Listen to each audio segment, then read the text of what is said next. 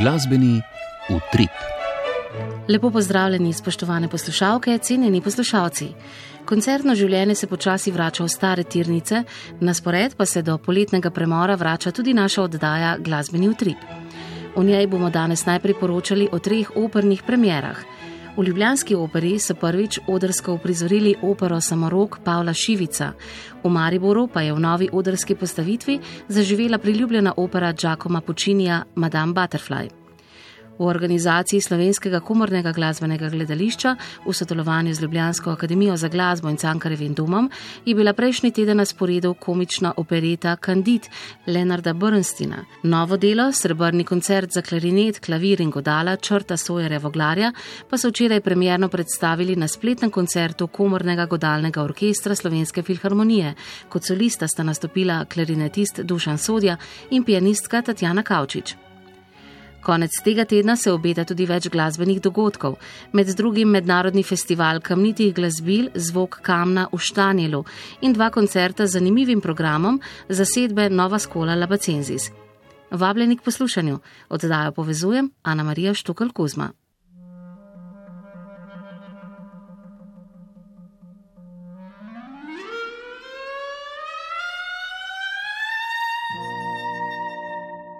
V fokusu. Ljubljanska opera je svoje vrata za obiskovalce po osmih mesecih ponovno odprla 3. junija. Svojo prvo odrsko uprizoritev je doživela opera Samorok Pavla Šivica, ki je bila do takrat izvedena samo za radijski arhiv na Radio Slovenija leta 1983. Premjerno uprizoritev si je ogledal Dejan Juravič. Samorogi je tretje celovečerno Šivičevo delo, ki ga danes uvrščamo med največje dosežke slovenske odrsko glasbene umetnosti sploh, zato ne preseneča, da so se v Ljubljanski operi odločili za njegovo prvo odrsko upodobitev. Zgodba o uprizoritvi te opere se vleče praktično od datuma nastanka, to je konec 70-ih let prejšnjega stoletja. Z načrti so prišli najdlje ob koncu lanske sezone, potem sta se zamenjali umetniški vodji in tudi datumi uprizoritev. Tu je še koronska realnost, ki je znova premešala načrte in prvotne zamisli aktualnega vodstva. Vsekakor gre za hvale vreden projekt, ki pa je zaradi vseh okoliščin, predvsem zaradi pravil, ni IEZ-ja obtičal. Sicer mi ni znano, koliko režiserjevih idej smo gledali glede na njegove prvotne zamisli, je pa Vinko Mederendorfer zgodbo aktualiziral. Številnih TV zaslonov smo, razporejenih po praznem odru, spremljali posnetke iz nadzornih kamer. Veliki brat vidi in sliši vse, so nam sporočali. Scena je bila prazna, dominirali pa so kostumi Alena Hranitelja. Urška Arlič Gululičič in Nuška Drašček Rojko sta nastopili v vlogah dvojčic Margarite in Uršule. Obe sta bili odrsko pripričljivi in glasovno zanesljivi.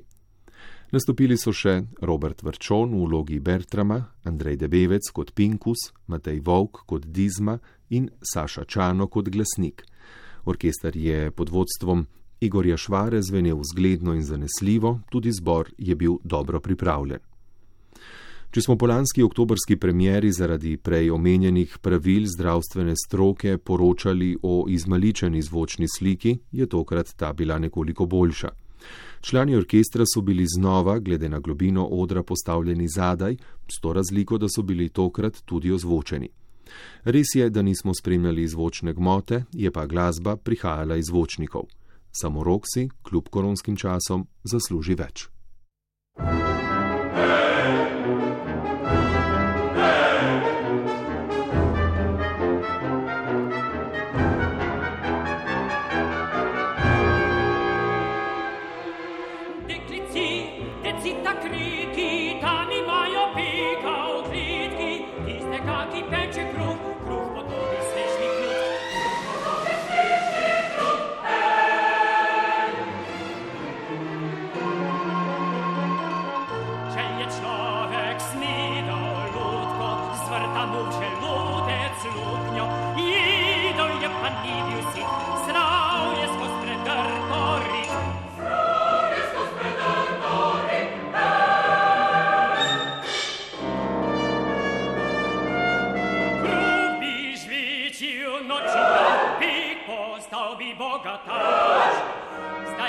Koprnik namaka, zobik mu brca živa žaba,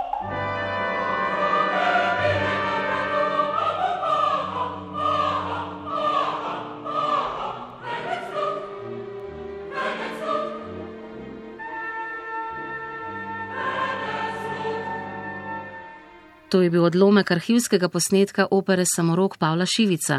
Prizor iz prvega dejanja sta pod vodstvom Cirila Cvetka leta 1983 izvedla komorni zbor in simfonični orkester RTV Slovenija.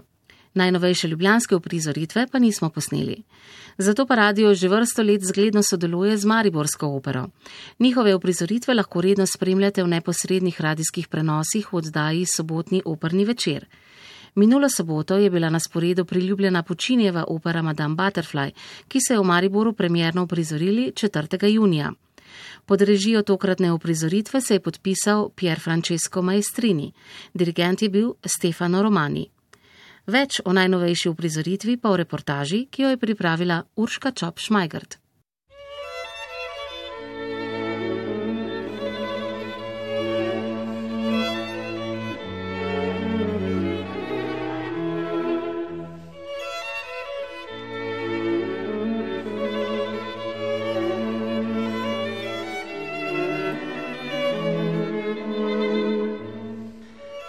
Opero Madama Butterfly so v Mariboru prvič uprizorili leta 1927, na to v vsakem desetletju in sedaj devetič v izvenu sezone. Umetniški direktor opere Simon Krečič o pomenu tega dela. Po eni strani zelo natančna psihološka razčlemba, po drugi strani pa tudi zelo natančna vokalno-glasbena razčlemba, ker Butterfly je najtežja počinjeva ženska vloga ki zahteva od pevke absolutno obvladovanje vseh registrov in vseh nijans vokala. Tako to zahteva pevko zrelih let z kar pošteno kariero že za sabo, da se sploh upa nekako posež po tej vlogi. Kako zahtevne so pevske vloge? Tukaj absolutno je v ospredju Butterfly, ker vendarle, naprimer, Pinkerton je velika vloga, pa vendarle ne tako obsežna in zahtevna kot je Butterfly. Tako da je v bistvu pri zasedanju vlog Butterfly absolutno uh, največji izziv. Po harmonskem jeziku se pravi, se že potem malo on spogleduje z razpadom tonalnosti, z zvečanimi akordi, ki potem vodijo v to, kar so potem modernisti in dvanajstonci potem počeli z razpadom našega tonalnega sistema. To malo tudi morda na račun iskanja orientalskih barv, ne, ker je ta pentatonika dosti prisotna celotonski postopi, ki nekako malo zgubljajo ta naš tonalni temelj. Tako da po tej strani je tudi že šel zelo v bistvu harmonsko naprej. Absolutno eno veliko delo, večplastno, zelo brvito, zahtevno tako rekoč za vse izvajalce. Ne. Najmanj bi lahko rekel, zbor nima tako velike vloge, celo vasov ni v tej operi, ampak tudi tisto, kar je, zahteva izredno preciznost. Jaz sem vesel, da se je dirigent odločil, da igramo v bistvu kompletno verzijo, tudi tisti mali delček zbora, ki se ponavadi izpušča, ki je zelo interesanten in tudi glasbeno nekako da eno logiko tej drugi sceni v prvem dejanju, je potem na zboru še malo večja pozornost kot sicer v, v Butterfly. V zgodbi spremljamo trg dveh kultur. Dejansko gre za na nek način karambol dveh različnih kultur, nezdružljivih, ki ga v bistvu srečujemo še danes na zelo, zelo podoben način. In uh, tukaj je zanimivo, kako da je počini se zelo rad loteval teh tematik, tako kot naprimer Turandot, kitajsko temo, pa ta na japonsko, da ga je ta tema orientalska zelo privlačila, po drugi strani pa teh dežel nikoli obiskal. In uh, kako je v bistvu v tistem času uspel dobiti toliko informacij, tako po glasbeni plati, kot po seveda tudi zgodovinski in po tradicionalni. Tako da absolutno eno zelo, zelo tehno delo, ki hkrati tudi zelo aktualno in v bistvu na nek način bi bila lahko po vsebini napisana tudi letošnjega leta, ne pa 1904. Kakšna bo prihodnost mariborske postavitve? V začetku smo nekako računali na koprodukcijo z opero v Hongkongu, s katero se je že nekoč kar dosti sodelovalo, pa potem za eno obdobje ne več. Zdaj pa smo spet vzpostavili kontakt. To je opera, v bistvu, ki sama ne producira, nima delavnic za scene in kostume. Tako da v bistvu smo bili v teh časih zelo veseli tega, da smo lahko prišli do tega sodelovanja in seveda odpira možnosti, da to produkcijo vidi več ljudi, večja publika in da še potem kam gre. Glede na to, kako je koncipirana, se mi zdi, da bi lahko imela ta produkcija tudi eno lepo prihodnost, da bi lahko jo še marsikje videli, ker je po eni strani ne preveč zapletena in pretežka po scenografiji, po drugi strani pa z temi projekcijami in z zelo vizualno atraktivna, s krasnimi kostumi. Po eni strani tradicionalna, kar se mi zdi, da tudi ljudje pričakujejo od naslova Butterfly, po drugi strani pa zelo barvita in z uporabo tudi najsodobnejših sredstev. Tako da jaz mislim, da ima ta produkcija kar lepo prihodnost, ne samo v našem gledališču.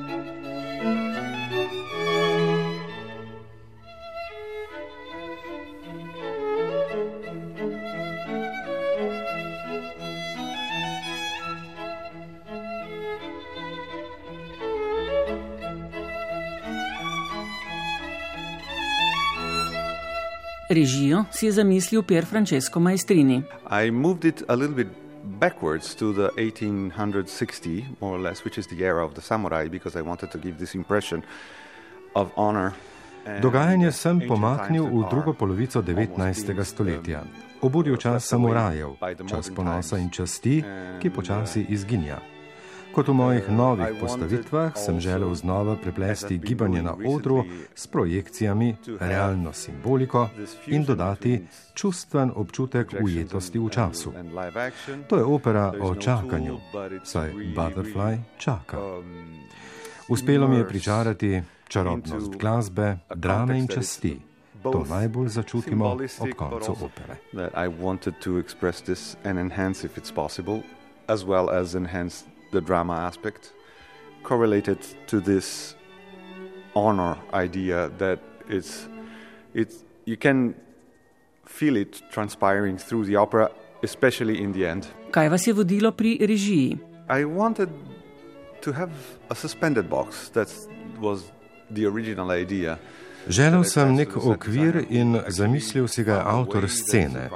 Presenetil me je s praktično in učinkovito postavitvijo sobo, oknom, z učinkom lebdenja, ki ga začutimo v glasbi in glavni vlogi Čočo San.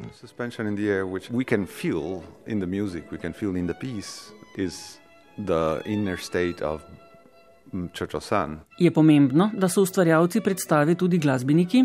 Well, first of all, I'm I'm a musician, and in this case, also the set designer is a very good musician. So Oba za avtorjem scene sva glasbenika, zato sva izhajala iz glasbe in tako poudarila določene trenutke. Počin je zelo jasen in se poslušalca globoko dotakne, in to sva želela prikazati v posameznih slikah. In our minds, and then translate it into, into images.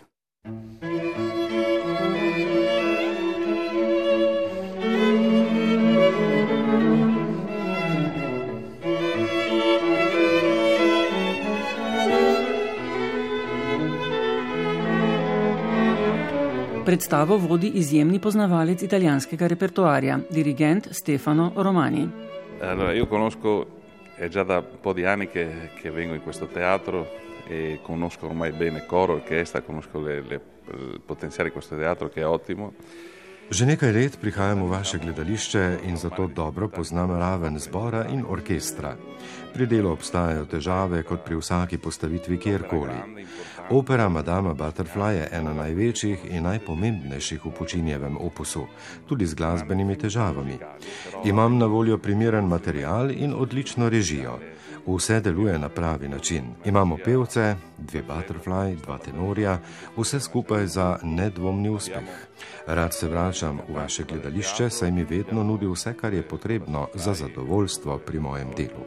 Per me poi è sempre un piacere tornare in questo teatro perché trovo che eh, i teatri che ho frequentato un po' nella mia, nella mia vita siano dei teatri che mi, ogni volta mi dà sempre molta soddisfazione nel lavoro. Še o pomenu te mojstrovine? Per me le opere sono tutte belle, nel momento in cui uno le fa sono tutte belle. Zame so vse opere lepe, vse, ki jih delam. Seveda je ta z veliko čustvi in veliko zgodbo. Ko začnem delati z novim repertoarjem, je prav to najbolj pomembno. Puccini je napisal vse, kar je za delo pomembno. Vsaka italijanska opera ima svojo zgodbo, vsaka ima svoj pomen.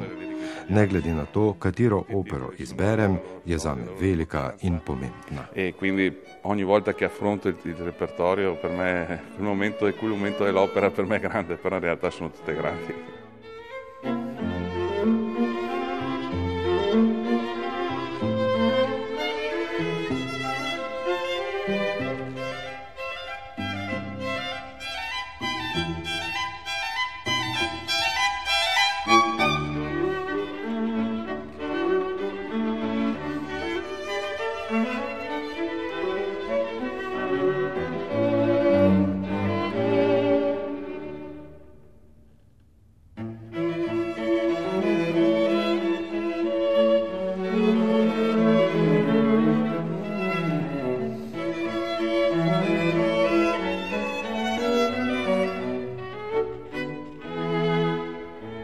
Naslovni vlogi Čočo San sopranistka Rebeka Lokar. Jaz bi njej kot um, vlogi dala besedo čistost.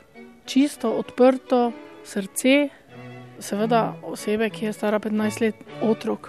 In za tiste čase res nekdo, ki se je popolnoma predal nekomu, ki je res to izkoristil in je prišel iz velike dežele, samo praktično se zabavati. In ona je tako čisto, da niti ne prepozna tega ona mu res zaupa. Jaz moram reči, da meni se je tudi malo to v življenju zgodilo. Se lahko kar poistovetim malo z vlogo Čočo San, zaradi tega, ker jaz sem človek, ko ljubi, ljubi res z vsem srcem.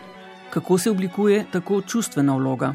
Rekla bi, zanimiva je ena moja učenka, me je prav vprašala, ne, kako je mogoče, da ti ob taki glasbi kot je Butterfly, kako narediš, da se ne jočeš recimo na odru. In sem dolgo razmišljala o tem vprašanju, ki mi ga je postavila, zaradi tega, ker je zanimivo. Ne? Toliko ogromno lepe muzike, vse besede, ki jih poveš, vse stvari, ki se zgodijo, zgodbo, ki jo poznaš, bi se moral jokati celo opero. Ne? Ampak jaz sem razmišljala, pa sem enostavno rekla: veš, ko si v takšni vlogi na odru, si čočo san, nisem Rebeka Lokar. In ti moraš živeti tista čustva, ki jih živi tvoj lik na odru. Če tebe gani na odru, pomeni, da je preveč tebe noter. Ampak, ko jo pojem, je to tako močna koncentracija, da si lik, ti moraš narediti tako, da se bodo ljudje jokali, ne ti. Govorimo o najtežji ženski vlogi. Ja, jaz bi rekla za mene, od vseh vlog, kar sem jih odpela, pa sem pela tudi Turandot, pa Manon Lesko, pa Fančulo del West, je najtežje od vseh, tudi od Abigaile. Jaz mislim, da je res, ker zahteva ne samo ogromno tehnike, pevske, zahteva eno zrelost tudi v podajanju fraze, tehnično zrelost, da poješ s svojim glasom, je vloga, ki je nevarna, mogoče tudi za sopranistke, če nisi dovolj tehnično zrel. Jaz bi rekla, da ne bi dala, da bi mladi, preveč mladi to peli. Rebeka Lokar je prvič pela vlogo Čočo San pred petimi leti. Moja prva, recimo, je bila zelo hitro naštudirana. Ampak se spomnim, da je tisto bil zelo velik uspeh v Italiji. Ampak vem, da vedno bolj poješ, pa drugega dirigenta imaš, ki ima neko drugo senzibilnost, pa spet na drugačen način, kakšno frazo odkriješ. Eh, moram reči res, da sem vesela, kam sem prišla pri tej butterfly, no, sem zadovoljna.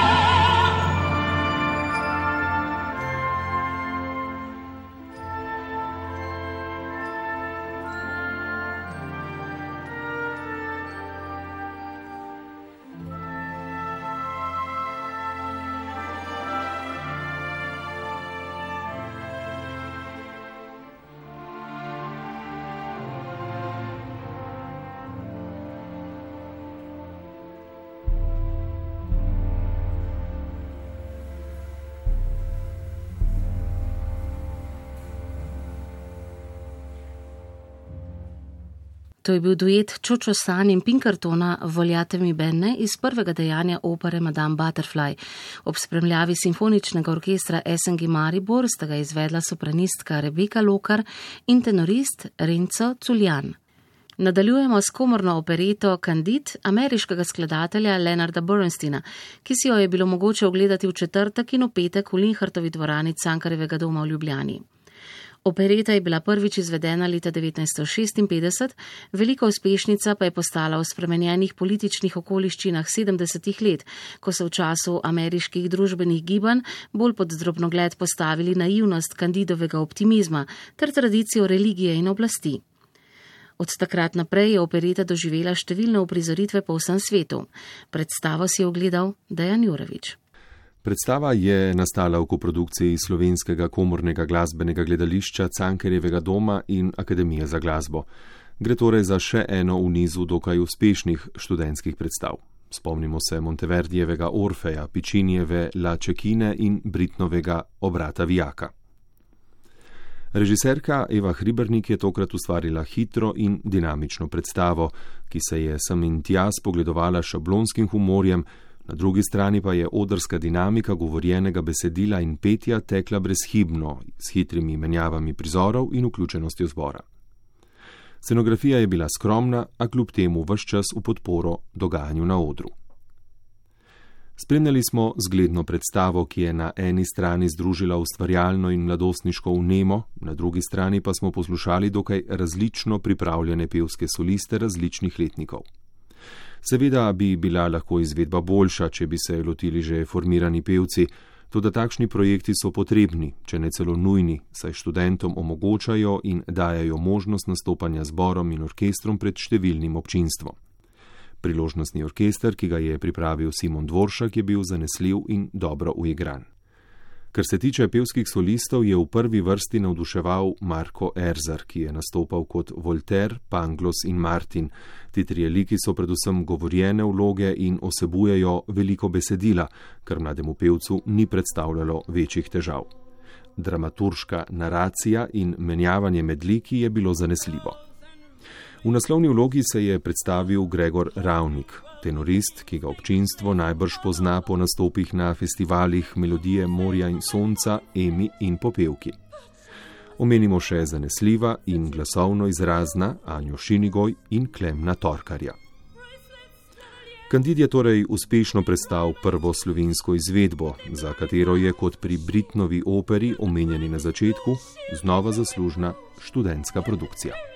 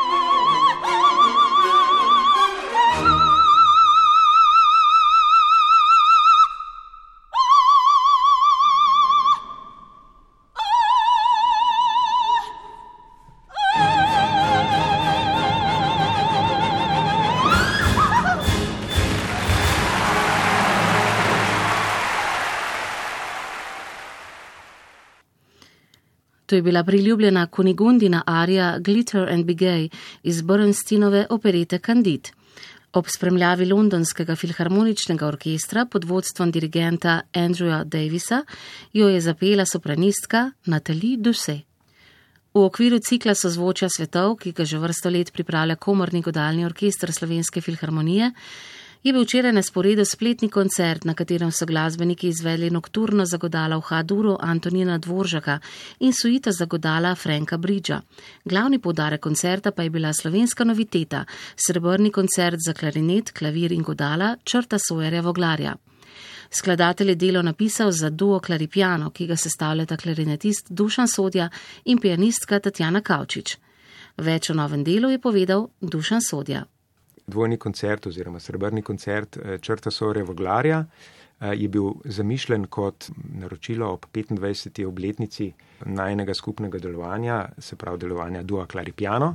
Zdaj, eh, prav ta koncert je pa koncipiran v treh stavkih, v res njegovem značilnem stilu, ki se ga zelo hitro prepozna.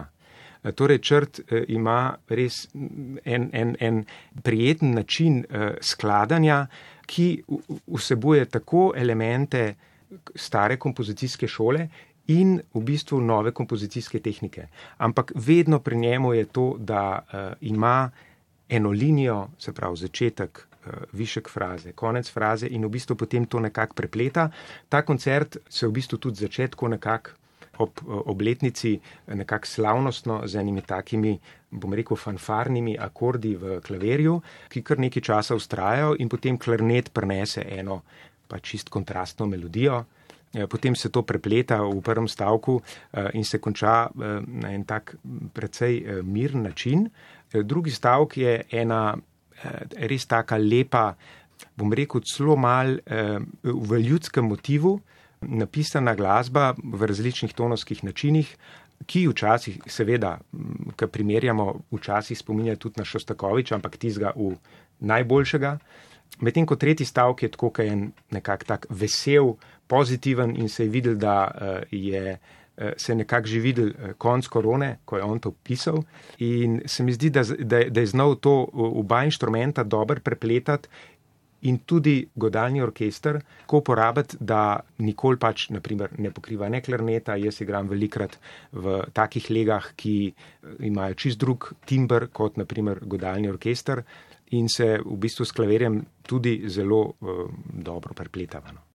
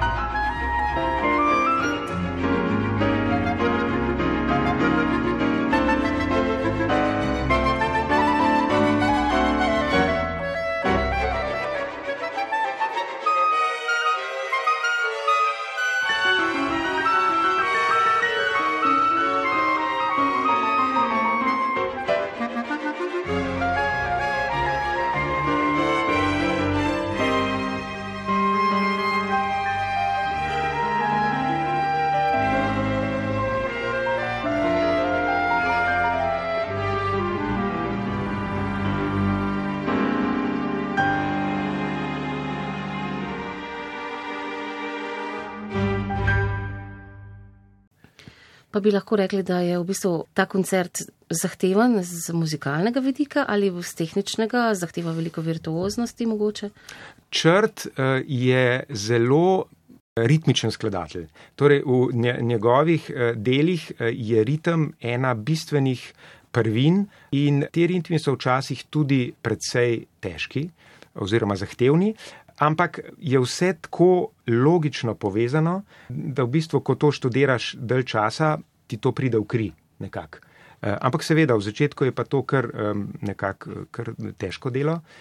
Zdaj, muzikalno pa njemu itak eh, linija teče tako naravno, se mi zdi in tudi v tem koncertu mu je uspelo nekako v, v manj kot 20 minut tako zelo kompaktno realizirati vse svoje ideje in hkrati zveni veliko krat zelo spontano.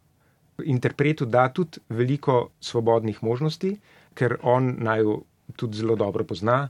Sva že izvajala njegovo eh, skladbo za najno, naprimer 20. obletnico, to je pa bilo napisano samo za klanet in klavir. Tako da lahko rečem, da je to v bistvu za to zasedbo, pa sploh tudi v tem um, času, zelo tehten koncert.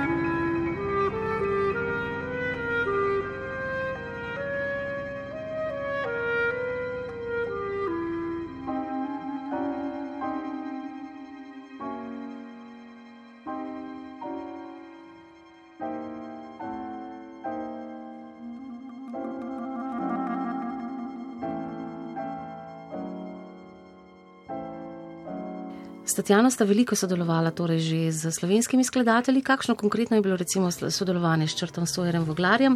Je recimo kdaj prišel tudi na vaje, je poslušal potem eh, vajno interpretacijo? Ja, seveda. Zdaj, eh, skladatelji si zelo razlikujejo po tem, koliko hočejo biti prisotni na vajah. Jaz mislim, da, da je eh, Črt Sojer Voglar skladatelj, ki ti dopusti precej svobode. On je seveda prišel naprimer, na, na eno vajo prej, ko smo se v bistvu lotili koncerta, da smo ga midva spraševala določene stvari, ki ti mogoče niso tako jasne. Potem pa, ko smo to študirali z orkestrom, se v bistvu eh, nekako eh, ni vtikal in je v bistvu prišel samo na, na eh, generalko. In v bistvu je bil zelo vesel. Moram reči, da, da tako kot nekako letos je glih obletnica Primoža Ramovša. In če lahko omenim, Primož je bil tudi en tak skladatelj, ki je v bistvu nekako pustil izvajalcem svobodo in bil potem ob vsaki izvedbi vesel, tudi če mogoče ni bilo kaj točno tako, kot si zamislil, ampak v tem se mi zdi, da je, da je čar glasbe. Torej, da je vsak vidi na en drug način in da si lahko tok uvideven in v bistvu um, nekako uh, nad tem, da lahko to pustiš drugim.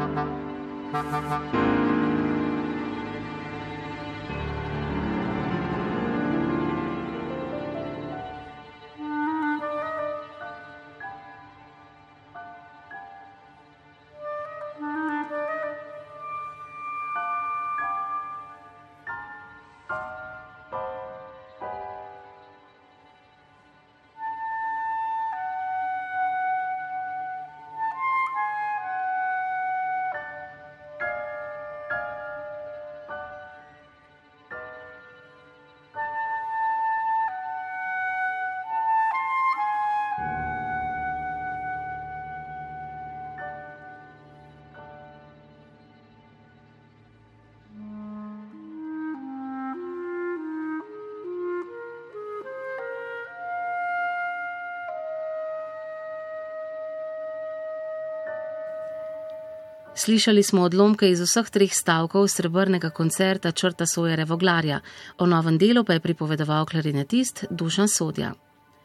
V zadnjem delu oddaje bomo napovedali še nekaj dogodkov, ki se bodo zgodili ta konec tedna. Na gradu Štanjel bo od petka do nedelje potekal mednarodni festival kamnitih glasbil Zvok kamna. Predstavlja ga njegov umetniški vodja, tavkalec Franci Krevh.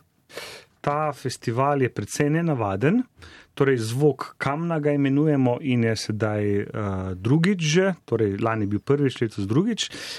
Ta festival je pravzaprav nek unikum v regiji, čeprav kamen zanima glasbenike, pa skladatelje in tudi ljubitelje zvoka. Vendar nikjer še niso šli na nek sistem, kjer bi dejansko se lotili tega zvoka sistemsko.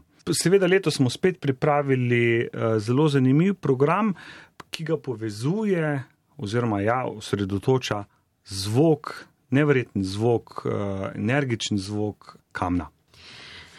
Organizator je torej Društvo Slovenski tokalni projekt v sodelovanju z organizacijo URA. Tako. Uh, leto so nam na pomoč, uh, so seveda pristopili kar mnogi k sreči in um, mi smo tudi del večjega festivala, ki se imenuje Gledanica, potem pa nam je finančno in seveda tehnično pristopila na pomoč Ora. Kaj točno se bo torej dogajalo? Začenjate že v petek. Za gledalce in poslušalce smo pripravili zelo zanimiv program, ki je mešanica delavnic, koncertov, ogledov in tako naprej. Začnemo že ta petek eh, popovdan, eh, kjer bomo začeli z delavnicami igranja na kamen. Ja, tole, mogoče ljudje poznajo uh, zvok gongo ali pa gong terapijo ali kaj podobnega, vendar podobno obstaja tudi v kamnu. Torej, uh, vabimo vse poslušalce, da se prijavijo na to dvourno delavnico, kjer bojo izvabljali zvoke iz eh, kamna in seveda uh, začutili res neko zanimivo energijo. Mm, že naslednji dan v soboto bomo nadaljevali s to delavnico, potem pa so že na vrsti ogledi eh, zvočne galerije Kamenica, ki je na gradu Štanjeli že drugo leto obiskovalcem bom razložil, kaj vse se v tej zvočni galeriji dogaja, kje inštrumente lahko vidijo, kdo je, mislim, kdo je bil kiparka, kdo je bila kiparka in tako naprej. Zvečer nas čaka zanimiv in nenavaden koncert s Kristjanom Krančanom. Eh, to je, verjetno ga poslušalci poznajo, mlad skladatelj, čelist, bobnar, eh, ki je pripravil zanimiv program s slovenskim tokalnim projektom. Eh, pričakuje lahko energičen, zanimiv večer, kjer se prepletajo tokala in čela. Potem v nedeljo pa imamo pripravljeno čist najnovejšo zadevo in sicer glasbeno predstavo za otroke, Moč kamna v katerem združujemo seveda zvok kamna ter vsebinsko se navezujemo na staroverstvo v moču Idrice in Soče ter okolici in tako nekako z zgodbo osvetlimo neko našo zgodovino v tistem območju. To je tudi eden od namenov festivala, da v bistvu to moč, ki jo lahko izvabimo iz kamna, približate tudi otrokom. Tako, uh, zdaj zvok kamna poznajo že marsikateri glasbeniki, že uh, geologi, tudi arhitekti, tudi kamnoseki sploh. Zdaj pa je že mogoče čas, prav zato smo se odločili, da zvok kamna predstavimo tudi mlajši publiki, da tudi oni vidijo, ko grejo po potki, da lahko vzamejo dva kamna v roke in da dejansko lahko zazveni zelo zanimiv zvok in da lahko ustvarijo unikaten ritem. No, tukaj pri tej predstavi sodeluje Bojana Šalič Podešva, naša skladateljica. V kakšnem smislu bo to? V okviru te zgodbe eh, je Bojana naredila eh, glasbo. Glasbo, ki spremlja pripovedovalko Alenko Vidrih, ki se pa seveda sestoji iz čisto, bom rekel, glasbenih elementov, torej same skladbe, oziroma, kar se mi zdi še pomembneje, Bojana je uspela čudovito združiti besedo in nenavadne zvoke, ki jih lahko ob besedi izvabljamo. Nedeljski spored pa potem končuje tudi zanimiv dogodek. Ja, ker bo na gledanici, ker bo tudi uh, slovesna otvoritev tega zanimivega prostora na vrh Štanjela, uh, zagorel kres, smo se odločili, da naredimo, kako bi temu rekel, skupinsko bobnanje. Seveda bojo vsak od obiskovalcev dobi svoj boben in potem skupaj zabobnamo, kot so to delala stara ljudstva, bodi si na območju Afrike, Amerike ali pa v nekaterih drugih delih sveta, torej skupna igra, skupen ritem, ki jo bo obogatil Janez Jociv s svojimi nenavadnimi glasbili.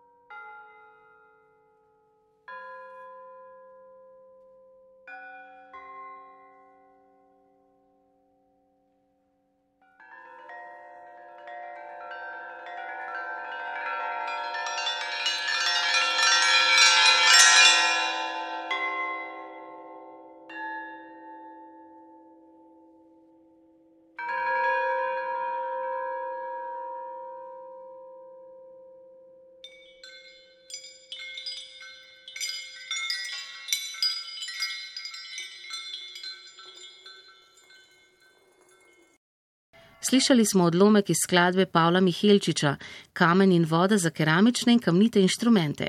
Igrala sta tovkalca Franci Krevh in Mateuš Bajde.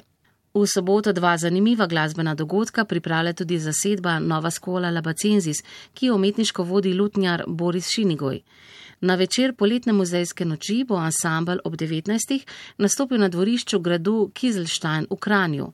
Ob 23. pa bo v atriju gradu Reichenburg v Brestanici predstavil glasbeno popotovanje z ribo Faroniko. Oba dogodka predstavlja Boris Šinigoj. Najprej pa več o programu Riba Faronika. To je program, ki je pravzaprav se razvijal z leti. To so duhovne pesmi visokega srednjega veka iz recimo rdeče knjige, ki je se ohranila v samostanu Monsera v današnji Kataloniji, pa recimo iz Kodeska Montpellier, pa, pa recimo iz uh, korpusa Cantica de Santa Maria. Potem smo pa tudi dali temu tudi nekaj uh, skladb uh, zgodne renesanse, ki je tako rekoč bliže temu visokemu srednjemu veku kot visoke renesansi, to se pravi po svoji modalnosti nekako je sorodnejša temu uh, času pred njo. In to so recimo skladbe kot uh, skladatelje, kot so Defy, Benšva in drugi. Gre skratka za Eh, popotovanje z ribo Faronika v tem smislu, da je ta pesem Riba Faronika tako kot najstarejša ohranjena slovenska pesem v slovenščini, uh, Stolminskega. Zapisali so sicer na začetku prejšnjega stoletja, vendar po svoji melodiji in pa zgradbi ter vsebini lahko sodi tako rekoč v srednji vek. In lahko postavljamo v ta stari čas, namreč poje o ribi Faroniki, ki grozi, da bo potopila svet. In uh, gre pravzaprav za molitev, ko jo Jezus prosi, naj tega vendar ne stori. In v tem liku ribe Faronike se pravzaprav prelivajo različni motivi, ne od tega, da naj bi faraonovi vojščaki, ki so potonili v Rdečem morju, potem ko je Mojzes zagrnil to morje nazaj pri Exodusu, ne, naj bi se spremenili v pol uh, ribe, pol, živ, uh, pol, pol ljudi. Drugo je spet recimo motiv tega Leviatana oziroma vesolnega potopa. Eh, no, in potem ta molitev z, eh, z Jezusom, ne, za otročiče in parodne žene in vse nas, da naj se pač ta potop ne, vendarle ne zgodi. S tem nekako poskušamo na to duhovno vsebino srednjega veka upozoriti, ki se sicer zrcali v skladbah, kot so Ale psali tekom Luja, to je slavni motet, kjer že naslov vabi k petju zraven, se pravi, v bistvu gre za Alelujo, ki ima urivek psali tekom, pojte zraven in mnogi srodni uh, napevi, kot so vem, Santa Maria Strelado Dia, se pravi Zvezda dneva, na Marija Materem in podobni. Tudi na besedilo Primoža Trubarja, ne? Imate skladbo. Tudi to je res, ja. Uvrstili smo noter tudi skladbo Kristus erstanden, Kristus je ostal in sicer v zapisu, uh, polifonem zapisu za uh, lutnjo, ki ga je uh, zapisal, pač ta motet je zapisal Hans Judenkunig uh, v začetku 16. stoletja. Uh, vendar se je izkazalo, da je pač ta ista melodija, sicer brez uh, dvoglasja, se pravi brez drugega glasu, brez kontrapunkta, ohranjena tudi v Trubarjevi pesmarici in smo pol pač priredili to izvedbo tako, da jo najprej izvajamo v tem polifonem načinu z nemškim besedilom, potem pa spremenimo zadnjo kitico v slovensko trubarevo besedilo, ki je nekoliko drugačno. On pravi, Jezus je od smrti vstal, ne, ne pravi, Kristus je vstal, ampak Jezus je od smrti vstal, vragu glavo steptal in tako naprej. 19. junija pa to ne bo za vas edini nastop. Še predtem pa boste ob 19. tudi nastopili na gradu Kiselstein. Res je, to je pa zelo lepa priložnost. Namreč eh, zelo lepo so nas prijeli eh, v tem Gorenskem muzeju, ki domuje v tem gradu. Tako da smo že dve leti zapored izvajali na koncertih eh, starejšo glasbo, baročno, renesančno. Tokrat pa smo se dogovorili, da izvedemo koncert grškega rebetika ki ga sicer tudi zelo radi izvajamo in mislim, da smo pri nas edini, ki to izvajamo. To gre, gre za grško glasbo z male Azije, iz časa, izvira nekako iz časa, ko so bili Grki tam še pod Turki. In sicer gre za tako imenovane rebete, se pravi ljudi, ki so bili nekako izrinjeni iz, iz družbe na rob, kakšne beznice in skromne te taverne, kjer so se pol to lažili s tem, da so pač oglasbili svoje bolečine, svoje, svoje to snobo, svojo žalost, tako da imenujejo rebetiko čast tudi kar grški blues, ker ima tako podobno, bi rekel, intonacijo v smislu čustev, v smislu doživljanja sveta.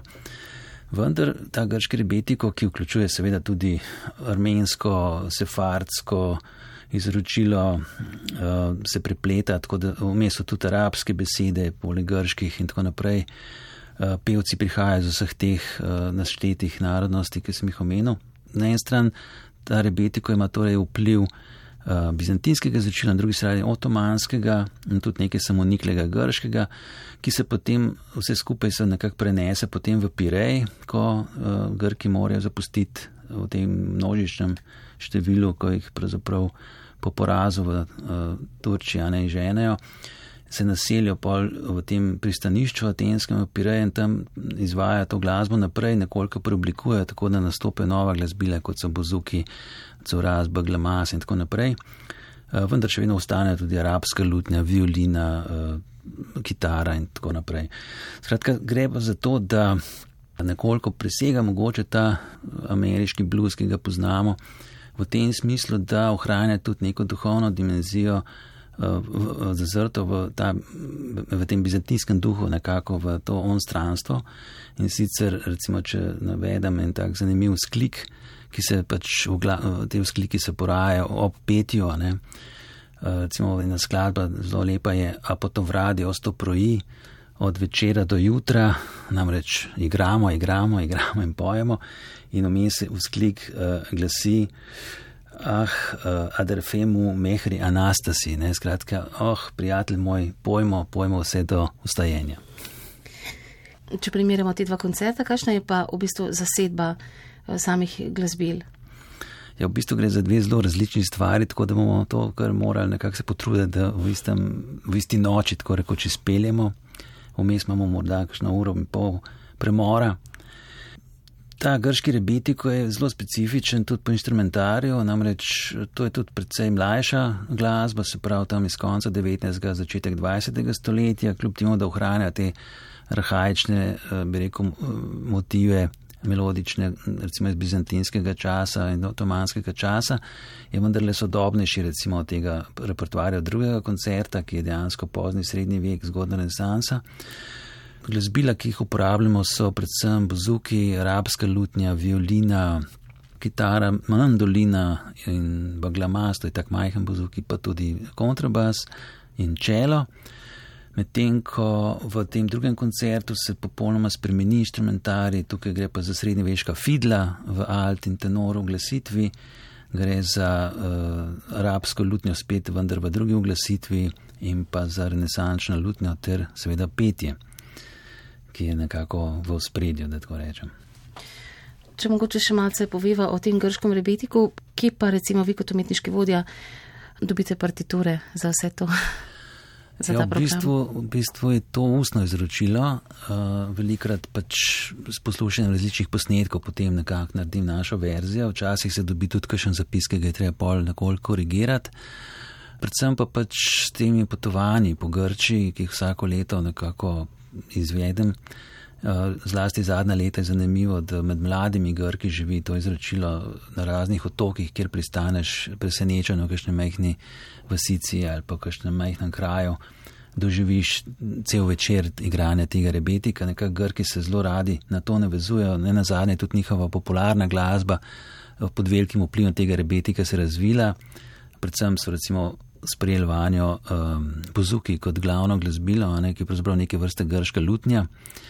Uh, tudi Teodorakis recimo je pol pisal ne, kot, ne samo kot bi rekel skladatelj popevk, ampak tudi kot klasični skladatelj za ta glasbila, ki so se z rebetikom, ali pa recimo Hadzidakis, ki je prav navezoval izredno kot klasični skladatelj na izročilo rebetika.